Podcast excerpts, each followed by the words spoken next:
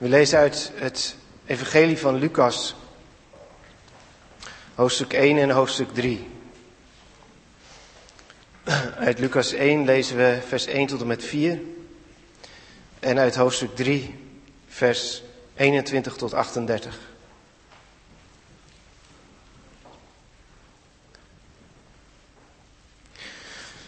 Lucas 1, vers 1. Daar schrijft de evangelist. Aangezien velen ter hand genomen hebben een verslag op te stellen van de dingen die onder ons volkomen zekerheid hebben, zoals zij die van het begin af ooggetuigen en dienaren van het woord zijn geweest, aan ons overgeleverd hebben, heeft het ook mij goed gedacht, na alles van tevoren af aan nauwkeurig onderzocht te hebben, het geordend voor u te beschrijven, hooggeachte Theophilus. Opdat u de zekerheid kent van de dingen waarin u onderwezen bent. En dan lezen we verder in hoofdstuk 3, vers 21.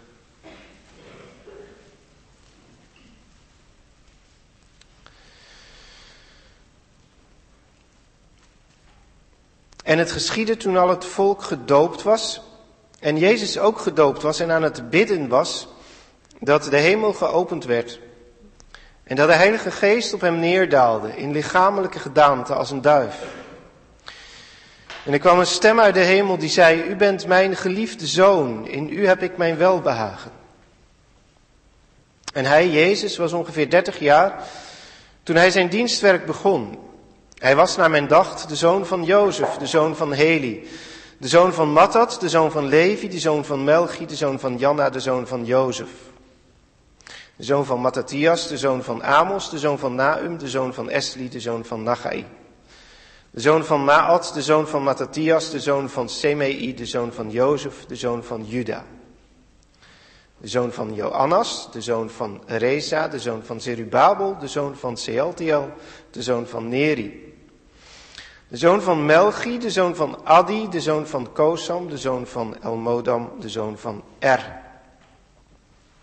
De zoon van Jozef, de zoon van Eliezer, de zoon van Jorim, de zoon van Mattat, de zoon van Levi. De zoon van Simeon, de zoon van Juda, de zoon van Jozef, de zoon van Jonam, de zoon van Eliakim. De zoon van Meleas, de zoon van Mainan, de zoon van Matata, de zoon van Nathan, de zoon van David. De zoon van Isaï, de zoon van Obed, de zoon van Boas, de zoon van Salmon, de zoon van Nahesson. De zoon van Aminadab, de zoon van Aram, de zoon van Esrom, de zoon van Peres, de zoon van Juda. De zoon van Jacob, de zoon van Isaac, de zoon van Abram, de zoon van Tera, de zoon van Nahor. De zoon van Serug, de zoon van Rehu, de zoon van Peleg, de zoon van Heber, de zoon van Sela. De zoon van Kenan, de zoon van Arfaxad, de zoon van Sem, de zoon van Noach, de zoon van Lamech, de zoon van Methuselah, de zoon van Henoch, de zoon van Jered, de zoon van Mahalelel, de zoon van Kenan, de zoon van Enos, de zoon van Set, de zoon van Adam, de zoon van God. Dat zijn de schriftlezingen van deze avond. Zalig zijn we als we het woord van God horen en in ons hart bewaren. Amen. De tekst voor de verkondiging ziet u zwart gedrukt ook staan op de liturgie.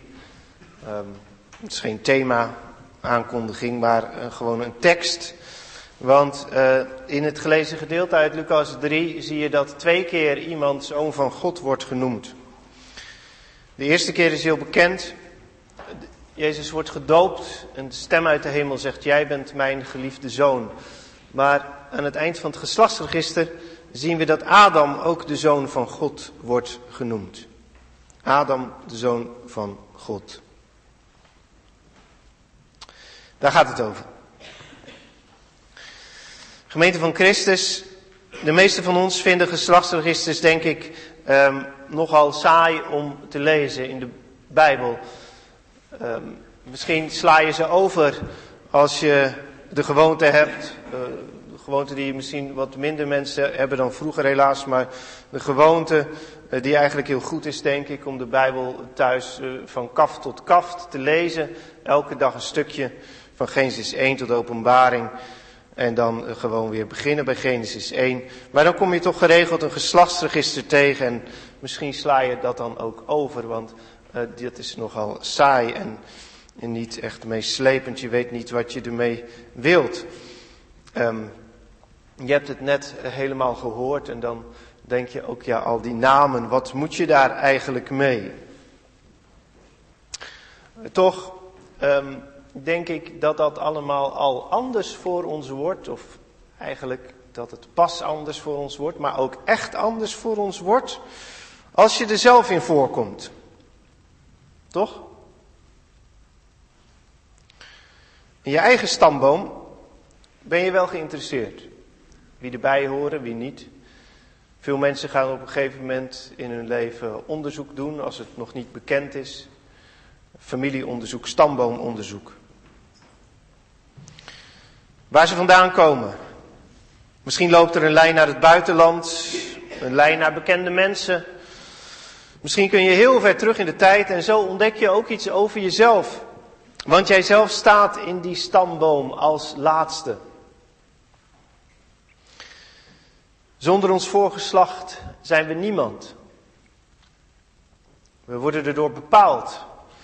Of we willen of niet. Omdat het om veel meer gaat dan namen. Achter elke naam verschijnt een persoon met een karakter, met een leven, met zonden en met goede daden, met geloof, met twijfel, met liefde, met hoop, met wanhoop. Achter elke naam verschijnt een wereld, waardoor wij, staande aan het einde van die lijst, mede zijn bepaald. Waar je wieg stond, bepaalt ten goede of ten kwade voor een groot deel je leven en betekenis, je gang, je keuzes en je lot. Ziekten werken door in de geslachten. Als er een genetische vorm van borstkanker in de familie zit, dan weet je al jong dat je hoogstwaarschijnlijk aan de beurt komt. Als er veel depressie of andere psychische aandoeningen zijn in de familie, dan kom je ook wel aan de beurt. Als er armoede heerste, dan ging dat waarschijnlijk ook door en gaat dat door van geslacht op geslacht.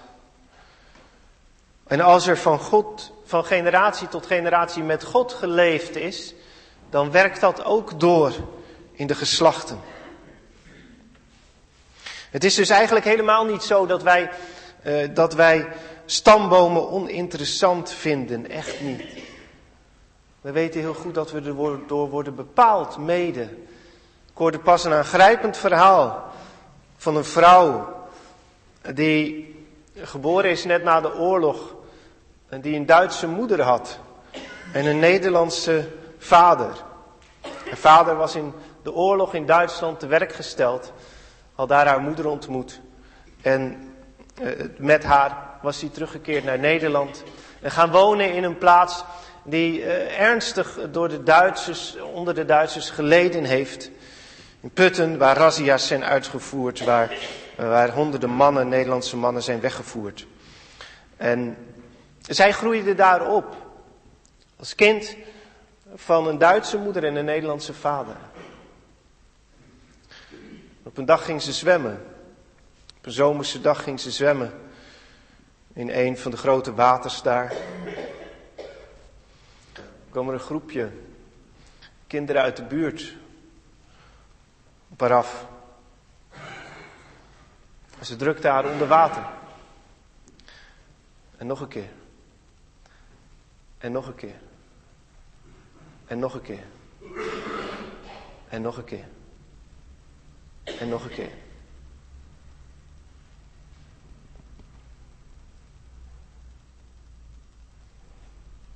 Totdat er één meisje was.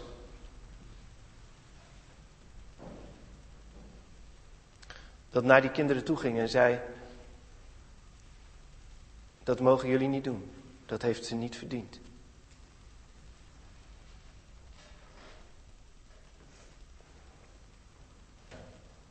Over zulke dingen gaat het als het over stambomen en geslachtsregisters gaat.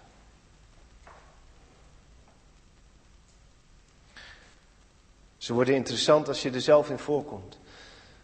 En dan worden ze alles bepalend. Maar komen we er zelf in voor? In dit geslachtsregister van Lucas. Daar gaat het dus ook over vanavond. En ik denk, dat was nou precies ook wat Lucas wilde weten.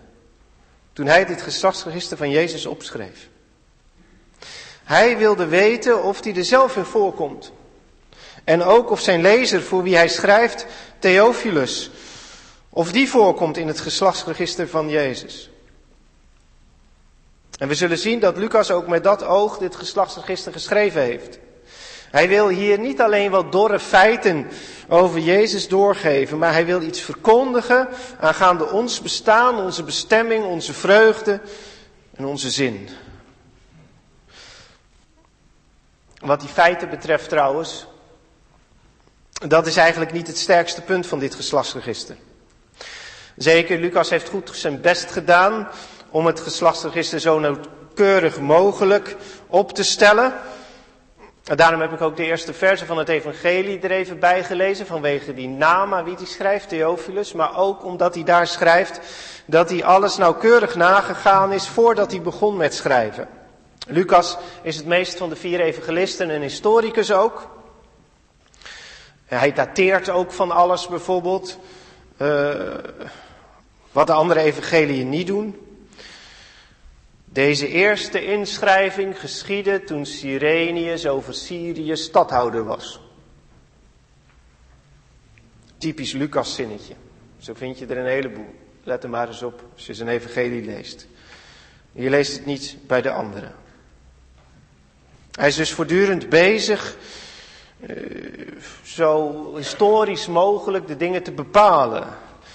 Maar tegelijk zijn wij in de gelegenheid om het geslachtsregister van Lucas naast een ander geslachtsregister te leggen, dat van Matthäus.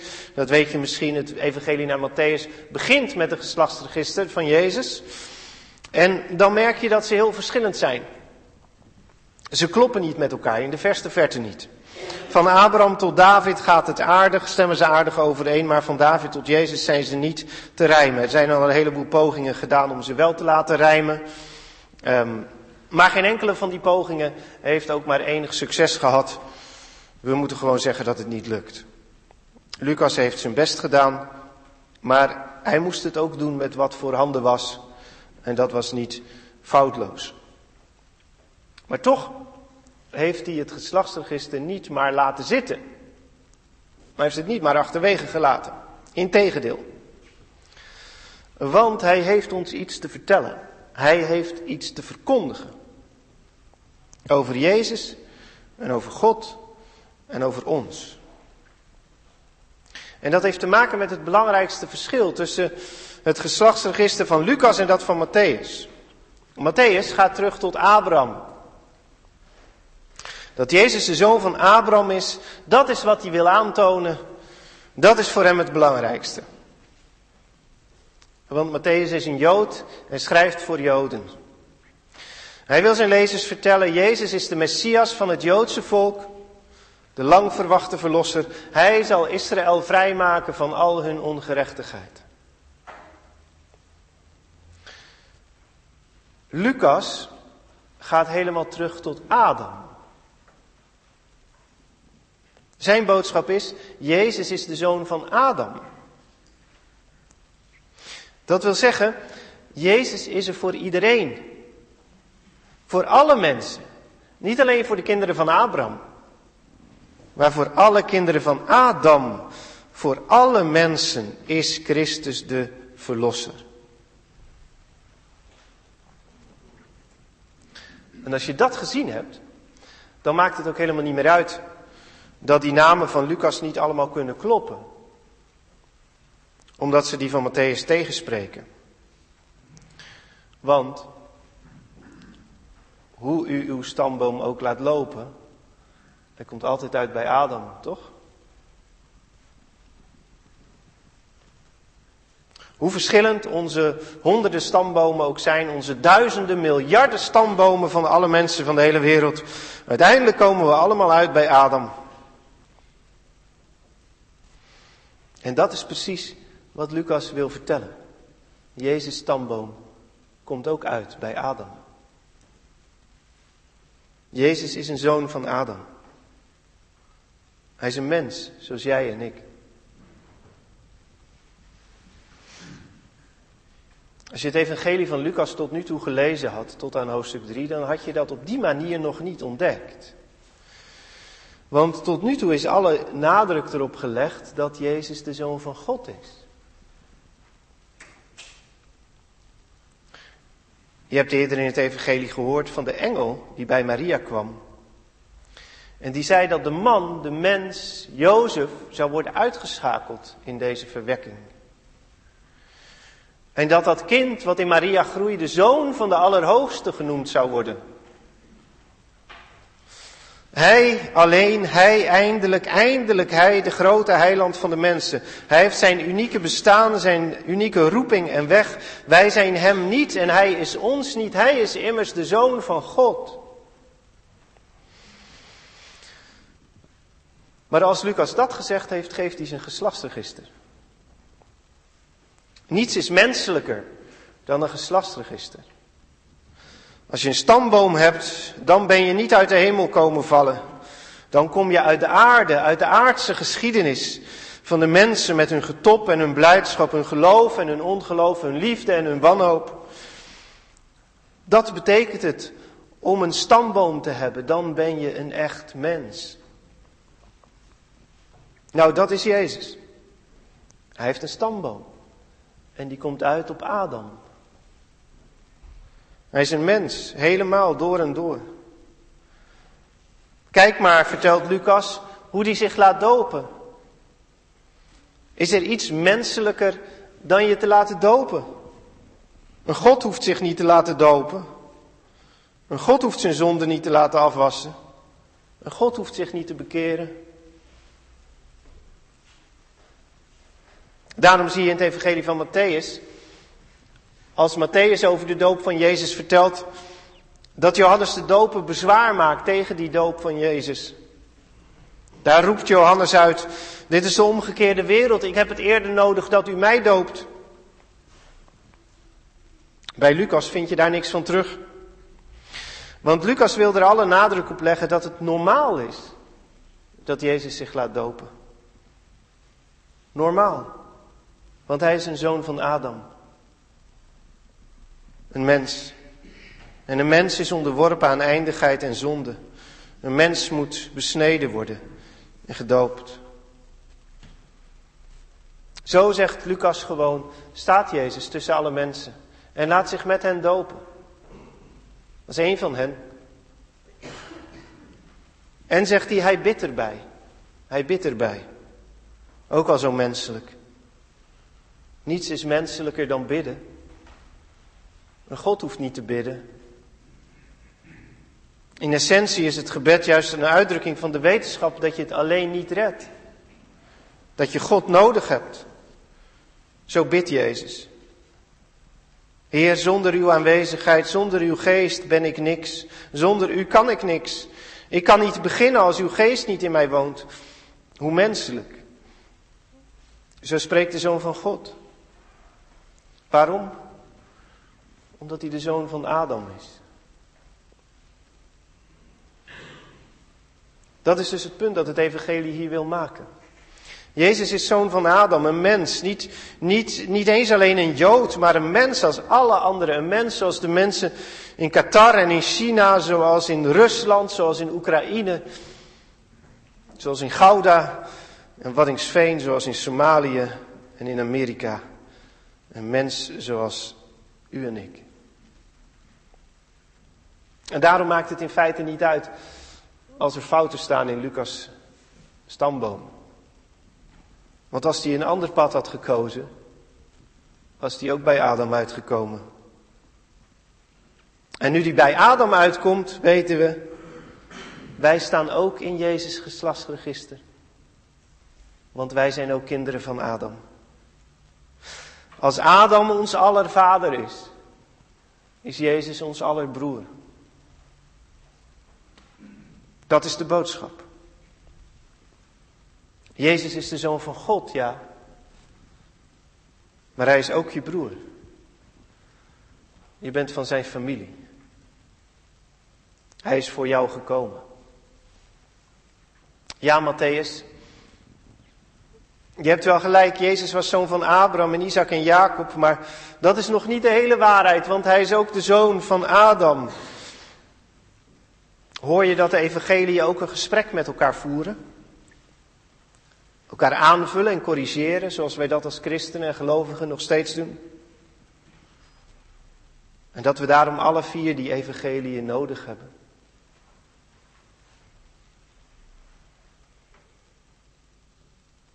Dit wil Lucas zeggen. Tegen Matthäus en tegen ons. Jezus, de mens, onze broeder. Je snapt wel waarom Lucas het zo belangrijk vindt om dat naast die waarheid van Matthäus te zetten. Hij heeft het ook tegen zijn eerste lezer. En we hebben gelezen in het begin van Lucas, Lucas schreef zijn evangelie eigenlijk maar voor één persoon. Voor Theophilus. Dat was een Griek die de Alpha-cursus had gevolgd. Hij heeft hem nog wat extra's meegegeven. Een soort beta-cursus. Dat is het evangelie van Lucas. En nu wil hij Theophilus heel graag vertellen. Theophilus, beste heiden. Beste Griek, dit verhaal wat je leest gaat ook over jou. Theophilus had ongetwijfeld op de Alpha-cursus een keer gevraagd: Wat heb ik als heiden met dat Joodse verhaal van jou te maken? Wat moeten wij met die God van de Joden en met die Jodenzoon? Het antwoord van Lucas staat hier. Hij is ook de zoon van Adam, net als jij.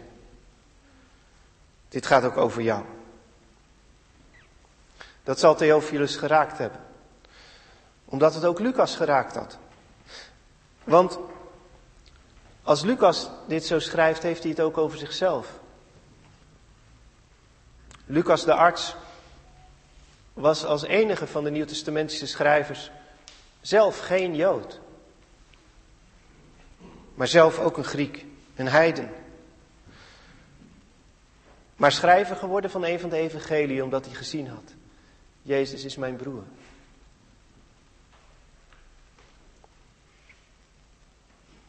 En wat betekent dat dan concreet? Te weten dat Jezus je broer is. Dat betekent dit. Ik ben ook een zoon van God. Dat is uiteindelijk de boodschap van de combinatie van Jezus doop en stamboom. Jezus is mijn broer en daarom ben ik ook een zoon van God. Jezus is mijn broer en zo ben ik ook een zoon van God. Lees maar hoe Lucas merkwaardig genoeg zijn stamboom eindigt. Van Jezus komen we uit op Adam, maar daar eindigt het geslachtsregister niet. Er gebeurt ineens iets wat helemaal niet kan. Adam was de eerste mens en we kunnen niet verder terug dan tot de eerste mens. Maar dan krijg je dat hele rare slot. De zoon van Adam, de zoon van God.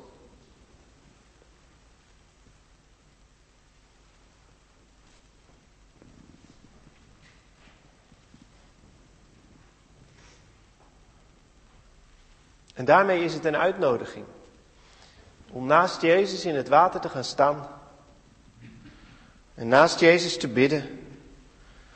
En naast Jezus dan de Heilige Geest te ontvangen en de stem te horen die tegen je zegt. Tegen jou persoonlijk zegt, jij bent mijn geliefde zoon. In jou heb ik mijn welbehagen. Bij de doop van Jezus klinkt dat heel exclusief. Een stem uit de hemel die zegt, jij, jij bent het Jezus, eindelijk. Jij bent mijn geliefde zoon. Hij, Jezus, de ene, enige zoon van God. Maar dan lees je het geslachtsregister uit. En dan moet je het nog een keer opnieuw horen. Want dan heb je gehoord Adam, zoon van God. Nu is Jezus ineens niet meer exclusief de enige zoon van God, maar blijkt er nog een tweede te zijn geweest. Degene van wie we allemaal afstammen, Adam. Gewaagde uitdrukking is het van Lucas om Adam, de mens, zoon van God te noemen. Vreemde uitdrukking. Op het randje van wat je zeggen mag. Adam kwam immers helemaal niet uit de hemel. Adam kwam uit de aarde. Uit het stof van de aarde werd hij geschapen. Er zit helemaal niks goddelijks aan Adam. Dat is heidendom, dat wij ten diepste goddelijk zouden zijn, dat er een eeuwige goddelijke vonk in ons zou wonen. De hele Bijbel strijdt daartegen, tegen dat idee. Het is wel een fijne gedachte natuurlijk dat je een beetje goddelijk bent, maar het is in de Bijbel juist de oerzonde. Het is niet erkennen dat de schepper en schepsel, dat daar een onoverbrugbare afstand tussen zit. En dat wij zijn maaksel zijn. Niet zijn zoon, maar zijn maaksel. En dat hij weet wat hij van ons verwachten kan en dat is niet veel. En toch waagt Lucas het op te schrijven. Adam, de zoon van God. Zoals hij later in handelingen ook aan de heidenen bijvoorbeeld schrijft. Eh, mag ik even jullie dichters citeren? Paulus op de Areopagus, die geschreven hebben, wij zijn ook van Gods geslacht. Zoals die het zeggen, zegt hij daar, zo is het. Wij zijn ook van Gods geslacht. Lucas kruipt zo dicht mogelijk naar het heidendom toe. Omdat hij wil zeggen, wat jullie hopen en verlangen, dat geeft het evangelie. Je diepste verlangen om helemaal van God te zijn en bij God te horen, dat wordt in Jezus vervuld. Voor jou, met jou. Nee, je wordt niet God en ook niet goddelijk, maar je mag wel ontdekken dat Jezus het beeld van God is en dat je naar zijn beeld geschapen bent, dat Jezus de Zoon van God naast jou is komen staan en dat jij daarom ook een zoon en dochter van God bent. Door Jezus is het waar alle mensen, kinderen van God. Omdat God tegen Jezus gezegd heeft, jij bent het. Daarom zegt hij het tegen allen. Jij bent mijn geliefde zoon. In jou heb ik mijn welbehagen.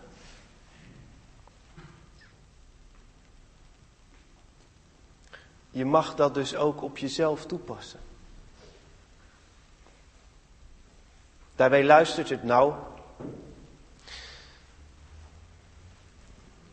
Vroeger werd misschien vooral het en uitsluitend het exclusieve verteld. Er is maar één zoon van God en dat is Jezus. In hem heeft God zijn welbehagen. Tegenwoordig leren we kinderen soms tot vervelends toe. Dat ze hoe dan ook zelf ook een kind van God zijn.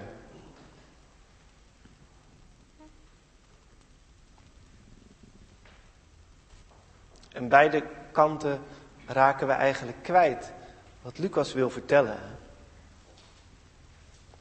Namelijk dat via Jezus, maar ook alleen via Jezus, de weg wordt geopend om het als een wonderlijke waarheid over je eigen leven te ontvangen.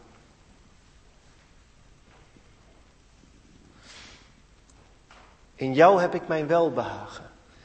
Hier klinkt het heel exclusief bij de doop van Jezus.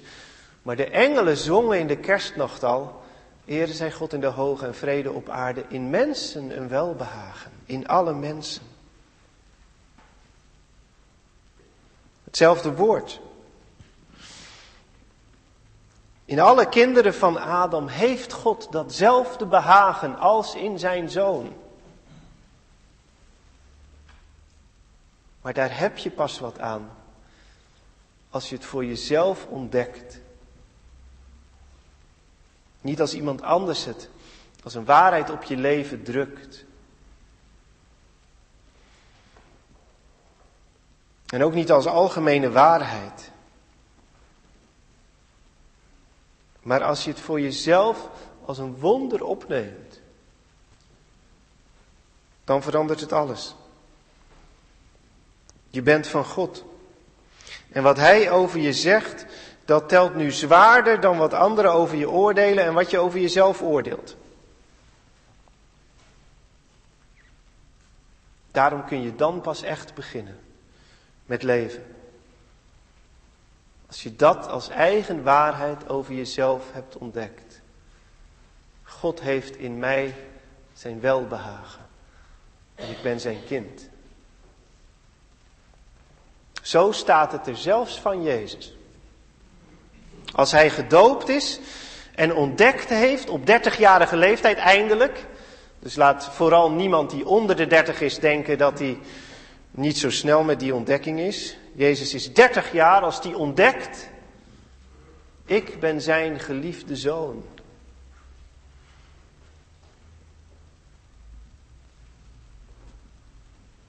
Als Jezus gedoopt is en weet dat hij Gods geliefde zoon is, dan kan die beginnen en gaat hij beginnen. In de herziende statenvertaling hebben ze weer eens een extra woordje erin gesmokkeld. Dat doen ze heel vaak. Het is eigenlijk altijd overbodig. Het is ook jammer. En gelukkig zetten ze ze wel als cursief. Um, en daar hebben ze ervan gemaakt toen Jezus zijn dienstwerk ging beginnen.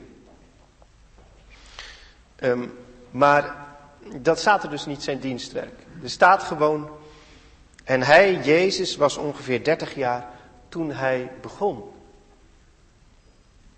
Niet toen hij zijn dienstwerk begon, toen hij überhaupt begon. Ken je zo'n moment? Moment waarop je denkt, nu begint mijn leven pas echt. Of als je al wat ouder bent, een moment achteraf. Dat je terugkijkend zegt, toen begon mijn leven pas echt. Daarvoor leefde ik eigenlijk onder een steen. Ik weet niet wat ik deed, maar nu zeg ik, ik begon toen pas echt. Het is heel mooi als zoiets samenvalt met iets anders moois. Dat je bijvoorbeeld kunt, kunt zeggen, toen ik ging studeren, toen begon het pas echt. Toen ik mijn vriend of vriendin ontdekte, toen begon ik pas echt. Het mooiste en diepste en meest waar is als je zegt, toen ik het geloof in mijzelf ontdekte, toen ik Gods waarheid over mij ontdekte. Toen ik ontdekte dat God in mij een welbehagen heeft. Toen begon het pas echt. Jezus kan nu pas echt beginnen. Volgens het evangelie van Lucas heeft hij eigenlijk 30 jaar onder een steen geleefd. 12 jaar, tenminste 12 jaar onder een steen. Toen kwam hij heel even boven als kind in de tempel in, in Jeruzalem. Maar dan gaat hij weer, heeft hij weer 18 jaar onder een steen. Daar kan Lucas weer niks over vertellen. En dan begint het. Bij Jezus betekent dat dan wel meteen een echt begin. Hierna gaat hij de woestijn in. Om verzocht te worden door de duivel. Het leven is geen lolletje. Als het gaat beginnen, gaat het ook echt beginnen. Maar dan kan het ook. Want de wetenschap dat je Gods kind bent en blijft, gaat dan nooit meer weg. Daar kan zelfs de duivel niet tegenop. Als je ziek bent, de woestijn ingestuurd wordt van een chronische, pijnlijke, ondraaglijke, ongeneeslijke ziekte. Maar het kan. Als je een levensroeping hebt, een hoge, een hoge plicht voelt, waar je veel moet opofferen, voor moet opofferen. Maar het kan, want in jou heb ik een welbehagen, in jou vind ik vreugde. Als je anders bent dan anderen. Je voelt het, je merkt het van jongs af aan. Je hoort er niet bij, je hoort niet bij de groep, je hoort er nooit helemaal bij. Je bent anders, je moet je eigen weg gaan. Het kan. Het kan. Want God zegt tegen je, in jou vind ik mijn welbehagen. In jou vind ik vreugde. Je kunt zelfs vertalen, in jou vind ik plezier. Zoals als je kinderen hebt, dan weet je het wel. Je maaksel, je ziet ze spelen in het zand, in de zandbak. En je vindt vreugde in je kinderen. Zo was het in de schepping. God wandelde in de hof en hij had plezier in Adam en Eva. Hij vond vreugde in hen. Zo was het bedoeld. Mens naar mijn hart. Jij bent mijn geliefde zoon. Jij bent de mens naar mijn hart. Zoals van David staat. Ondanks alles wat David deed en was, lag daar die bodem onder zijn bestaan. Ik weet, ik ben familie van Jezus. Hij wilde zoon van Adam worden. Hij wilde in mijn stamboom komen. En nu sta ik in de zijne. Hij wilde in mijn stamboom komen en nu sta ik in de zijne.